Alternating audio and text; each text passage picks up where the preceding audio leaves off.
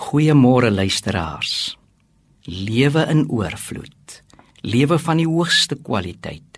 Lewe in verbondenheid met Jesus Christus. Lewe van menswaardigheid.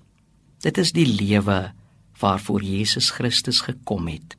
Dit is die lewe wat ons tydens Kersfees vier.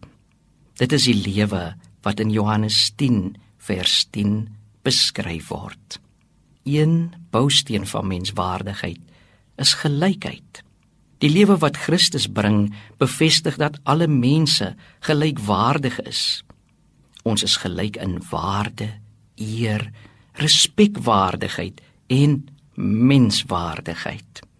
Ons is ook gelyk in die toegang wat ons behoort te geniet tot die middele wat sorg vir lewe, die middele wat noodsaaklik is vir 'n menswaardige lewe.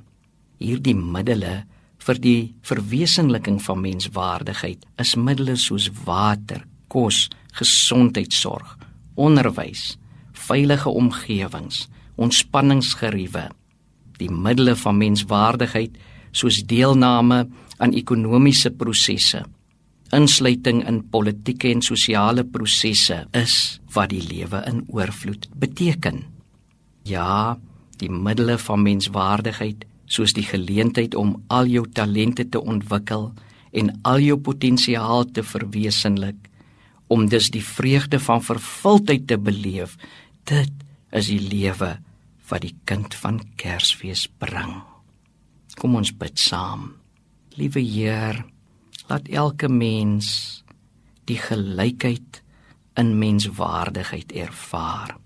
Laat elke mens die verwesenliking van 'n lewe van menswaardigheid tasbaar ervaar.